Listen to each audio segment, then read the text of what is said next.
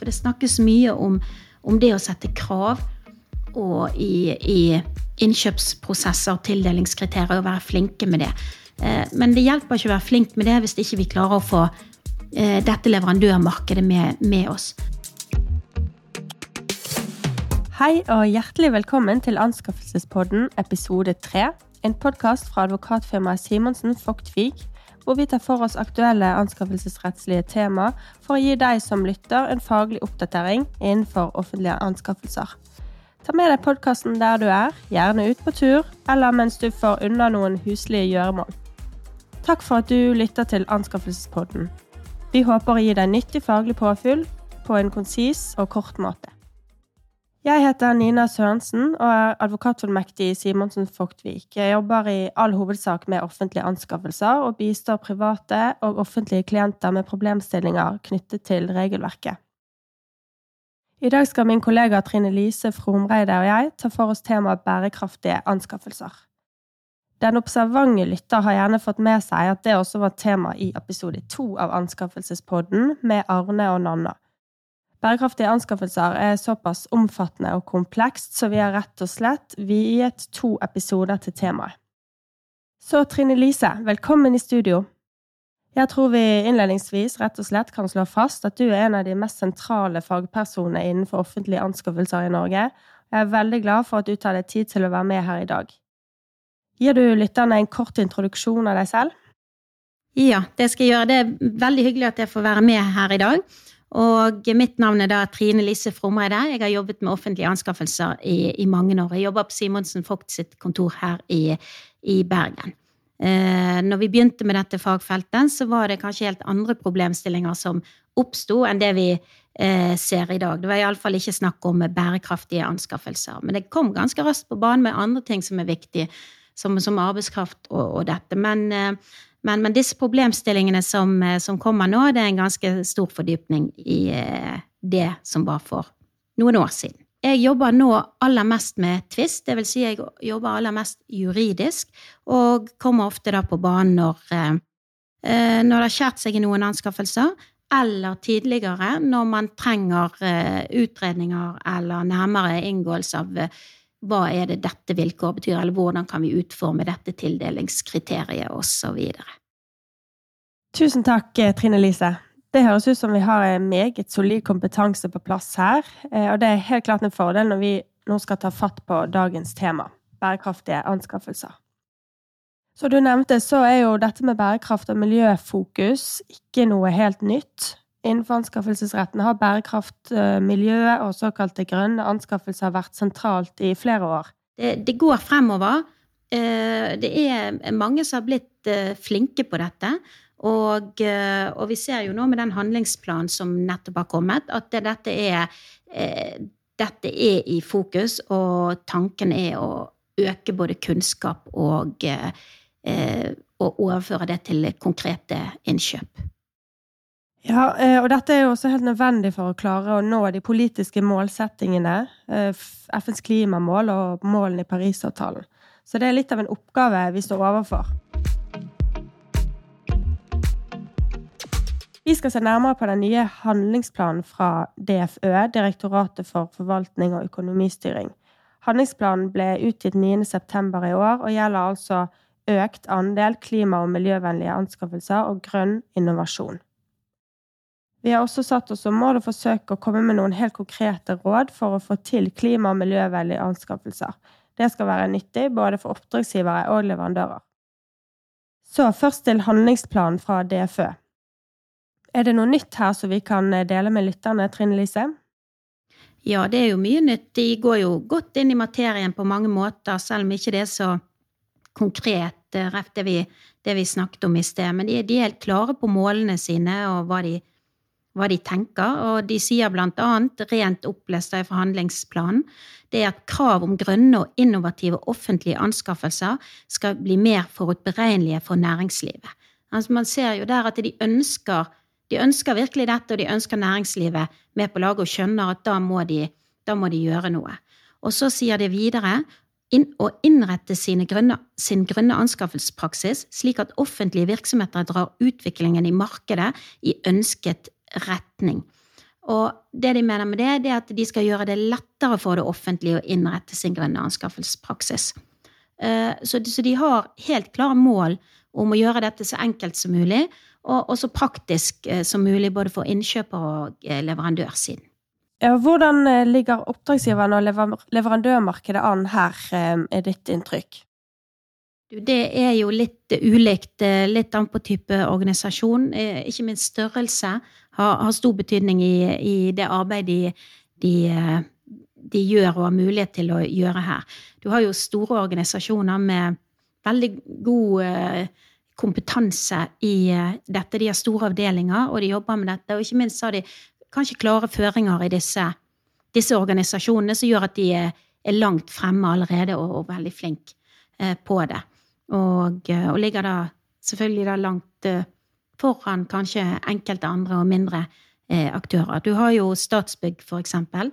De har jo jobbet aktivt med dette en, en eh, stund allerede, og er veldig opptatt av å sette krav som skal omfatte at hele bygningens klimafotavtrykk i anskaffelsen eh, skal være sentral.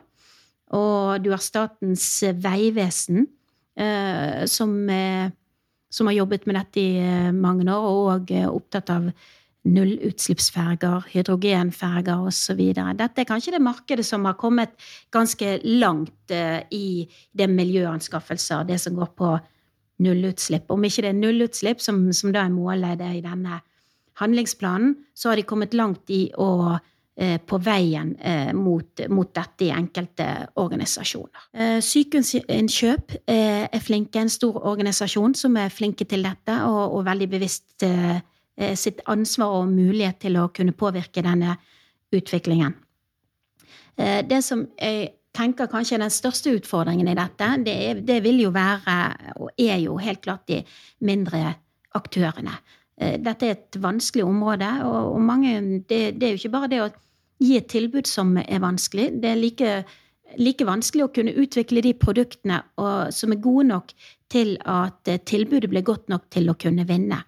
Eh, og det snakkes mye om Handlingsplanen tar heldigvis opp dette forholdet òg, så det ser ut som de har forståelse for det. For det snakkes mye om, om det å sette krav og i, i innkjøpsprosesser, tildelingskriterier, og være flinke med det. Eh, men det hjelper ikke å være flink med det hvis ikke vi klarer å få eh, dette leverandørmarkedet med, med oss. At vi sitter igjen med to-tre store aktører, og man sitter igjen med nesten monopolister til slutt. Det, det vil ikke gagne verken markedet eller utviklingen eller få fortgang. Det, det, vil gi en veldig kortsiktig gevinst. Så mitt, eh, mitt, mitt, håp er jo at man er like bevisst i det arbeidet nå som foregår fremover, i å få med seg leverandørmarkedet, hele leverandørmarkedet. At man jobber like mye med det, og ikke bare gir seg selv en klapp på skulderen hvis man har satt, vært flink til å sette krav i anskaffelsen. Hva kan eh, oppdragsgiverne gjøre for å bidra til at også mindre leverandører, som du har snakket om, eh, kommer seg inn i markedet og får posisjonert seg til å faktisk vinne eh, kontrakter i offentlig sektor? Nei, jeg tror jo oppdragsgivere må ha et få de må få et handlingsrom, og de må føle at de har et handlingsrom. Det er jo det som ofte er problemet i offentlige anskaffelser, at man blir veldig bundet, for det er et veldig regulativt område. Eh, de må tørre å tro på nye prosjekter. Man ser jo det samme på innovasjon og miljø. Henger jo ofte tett, eh, tett eh, sammen. Det kommer nye leverandører på markedet, og det er ofte de nye små som kanskje kommer med helt geniale løsninger som man ikke har sett, sett før. Og hvordan skal da disse offentlige innkjøperne være egnet til å se at dette er en genial løsning? Eh, det kan være løsninger på papiret som man ikke har kapasitet, økonomi til å utvikle.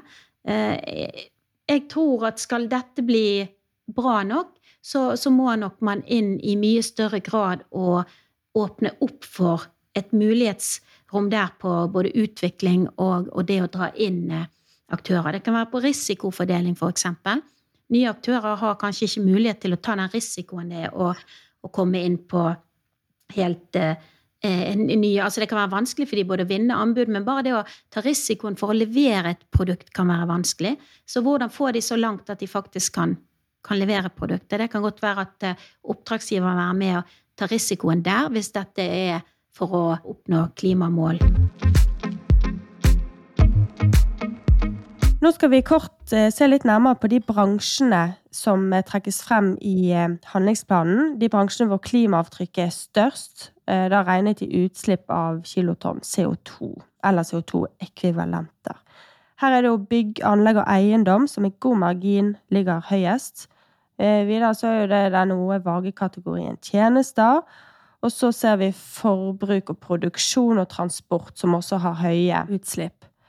Eh, og Grunnen til at vi nevner disse, er jo at handlingsplanen her kommer med noen anbefalte prioriteringer som DFØ og Miljødirektoratet sammen har utarbeidet. Det er altså forslag til prioriteringer som offentlige oppdragsgivere innenfor bransjene rett og slett kan gå inn og se på og ta med seg arbeidet med krav og kriterier i kommende anskaffelser.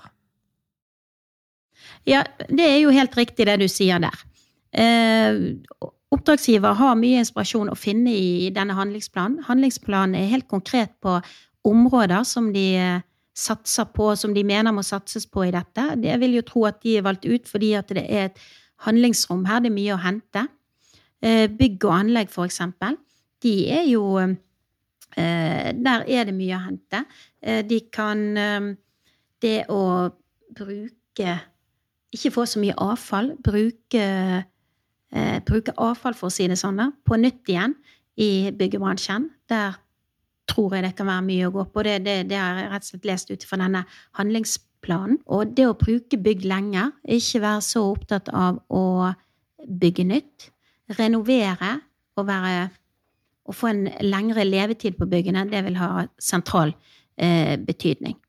Da skal vi litt videre, Trine Lise, og over til eh, de som faktisk skal tilby disse anleggsmaskinene med nullutslipp, og designe nullutslippsfergene, tilby de bærekraftige batteriene, det er altså leverandørene.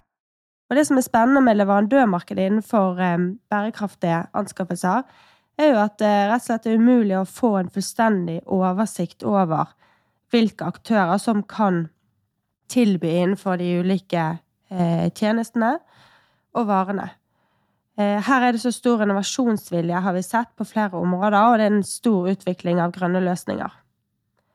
Eh, så sånn som jeg oppfatter det, så, så er det rett og slett eh, sånn at hvis oppdragsgiver spiller sine kort riktig og bruker det handlingsrommet som anskaffelsesregelverket gir, så skal konkurransen i markedet fungere sånn at de relevante leverandørene, både store og små, kjente og ukjente, faktisk får komme til bordet. Eh, så Trine Lise, er det noen råd du vil gi til leverandørene som ønsker å tilby sine varer og tjenester til offentlig sektor? Et godt råd, spesielt på dette området, innovasjon osv., det er å være med. Være med der det skjer. Det er, det er markedsdialoger, det blir avholdt markedsdager, det er informasjonsmøter. Og disse, eh, disse aktivitetene tror jeg bare vil øke i tiden fremover, desto mer eh, det offentlige blir vant til å bruke, bruke den type aktiviteter. Det vil være ofte helt nødvendige aktiviteter, òg, spesielt på miljøanskaffelser og innovasjon. Så, så her, vær med. Eh, still spørsmål, avklar, og, eh, og kom i kontakt med oppdragsgiver sin. Man må passe på å følge med og se er det er kravspesifikasjonen god nok. Forstår man denne? Er det uklarheter? Er det noe som oppdragsgiver kan og bør gjøre bedre for at dere skal kunne gi et godt tilbud? For er det noe som gjelder dere, så gjelder jo det og som regel de aller fleste andre som skal gi tilbud. Så her må man bruke tilbudsfasen aktivt for å oppklare og stille spørsmål. Og hvorfor kom en interessant avgjørelse tidligere i år som vi må se litt nærmere på. Det er sak 146 2020. I forbindelse med utbygging av Bybanen i Bergen gjennomførte Bybanen utbygging en konkurranse med forhandling for inngåelse av rammeavtale for mindre tilleggsarbeider som gikk på f.eks. oppføring av mindre murer, montering av gjerder, asfaltarbeider, mindre VA-arbeider osv. Bybanen mottok to tilbud i konkurransen, og klager mente bl.a. at tildelingskriteriet gjennomføringsevne og oppgaveforståelse var ulovlig. Og det er dette vi skal inn og, og se på nå, Trine Lise. Og som en del av dette tildelingskriteriet skulle leverandørene da gjøre rede for tiltak leverandøren kan bidra med, slik at bybaneutbygging kan redusere litt klima- og miljøavtrykk. Og her må vi stoppe litt opp. Leverandørene bes altså om å gjøre rede for tiltak. Eh, Bybanen som oppdragsgiver overlater altså fullt ut til leverandørene selv å komme med tiltak som kan redusere oppdragsgiveren sitt miljøavtrykk. Og evalueringen blir gjort på bakgrunn av tilbyders forståelse for oppdraget, for hvordan tilbyder vil gjennomføre oppdraget. Oppdragsgiver gir ingen eh, konkret informasjon om type miljøtiltak som vil bli premiert i evalueringen. Er ikke dette et veldig vagt og åpent tildelingskriterium? Eller hva, hvilke betraktninger har du her, Trine Lise?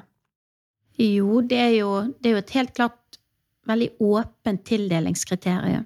Det er jo, nå er jo det et underkriterium, så, så det kan jo stille spørsmålstegn om de ville akseptert det hvis man hadde satt det opp som et uh, Formulert på den måten, uh, som et eget kriterium, og ikke bare tatt det med som et vurderingsmoment i, i hovedkriteriet.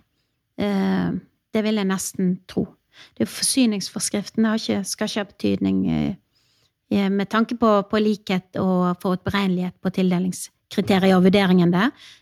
Men som vi snakket om i sted, så er jo det veldig positivt at man man gir romslige kriterier slik at mange har mulighet til å nå opp. Men eh, dette at man bare skal kunne si at den som best gir best miljøavtrykk, uten å konkretisere dette, det, det ser jeg på som problematisk. Fordi at hva er det som gir et miljøavtrykk? Eh, hvordan skal man da kunne vurdere om det de har gitt inn, har betydning for leveransen? Tildelingskriteriet skal jo ha betydning for leveransen og tjenesten, eller tjenesten som ytes, eller produktene som ytes. Eller de skal ha en tilknytning. Eh, eh, det kan være veldig vanskelig å få overprøvd dette i etterkant med et så vagt kriterium. Så, så jeg Jeg, jeg syns jeg syns det er ganske vidt, men det er, det er, noe positivt med det i andre sammenhenger. At uh, det kan være vide kriterier. Eh, ja, enig. Og, og den skranken som du er inne på i regelverket, er jo den bestemmelsen om at et tildelingskriterium ikke skal gi oppdragsgiver ubegrenset valgfrihet. Så det kan jo være at man eh, nærmer seg noe der, da, kanskje. Men, men hvorfor jeg i hvert fall ser på dette som de ser på det som helt greit. De, ja. de, ikke, en, de, vurderer ikke det engang, uh, sånn som jeg ser det. Det er en setning. Mm. De bruker en setning av tiden sin på, på dette. Og igjen kan det noe med, med konkurransegrunnlagets oppbygning eh, å gjøre. At de derfor velger å, å, ikke se nærmere på dette. Men, eh, men det åpne, gir, gir, et handlingsrom som ikke nødvendigvis trenger å være, være bra. Og det gir et handlingsrom som jeg tror blir grepet fatt i hvis det, eh, hvis det utvikler seg. Ja, det blir spennende å se om KOFA følger opp og fastholder denne avgjørelsen. Da nærmer vi oss dessverre slutten her, Trine Lise. Før vi takker for oss, så skal jeg prøve meg på en oppsummering. Vi har sett nærmere på handlingsplanen for økt andel klima- og miljøvennlige anskaffelser, vi har vel konstatert at eh, det er en del mer her enn kun et politisk dokument. Handlingsplanen kan brukes av oppdragsgivere for å planlegge anskaffelsene sine, og kanskje særlig innenfor de sentrale bransjene eh, som står for de største utslippene. Så har vi jo også vært inne på, på en KOFA-sak som viser at oppdragsgiver ikke nødvendigvis må gå inn og spesifikt angi tildeling, i tildelingskriteriene hvilke miljøtiltak som må inngå i leveransen leverandørsiden må bidra så godt de kan med å komme med innspill, ikke gi opp, og, og være fast når de, når de har tro på et eh, prosjekt og egne produkter.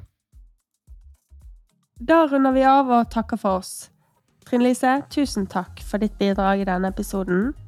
Tusen takk til våre lyttere, som vi håper har fått nyttig faglig påfyll om bærekraftige anskaffelser, og kanskje fått gått en tur samtidig. Husk å følge Anskaffelsespodden enten på Spotify eller Apple Podkast for å få med deg episodene som legges ut. Har du spørsmål til anskaffelsespodden eller temaforslag, send oss gjerne en e-post til podkast.alfakrøllsvw.no. Kjære lytter, takk for nå, og velkommen tilbake til neste episode. Ha det bra!